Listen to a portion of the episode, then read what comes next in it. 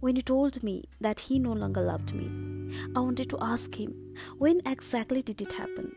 On which day and at what time and in which city did you know that? What was the latitude and the longitude?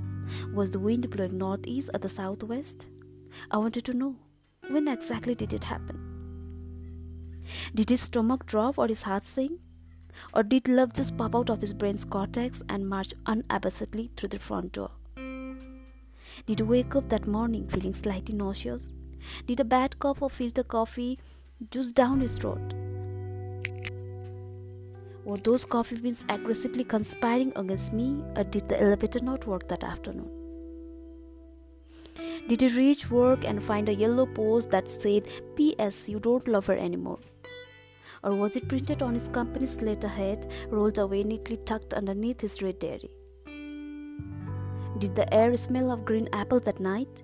Did he drive, drive, drive as fast as he possibly could? Did his car float on the clouds? Did he Instagram the damned sky? Where is that fucking picture? Did he stumble through his front door?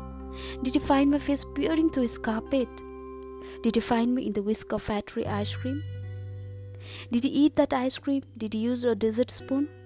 But when he actually told me that he no longer loved me, all I said to him was, fuck that shit.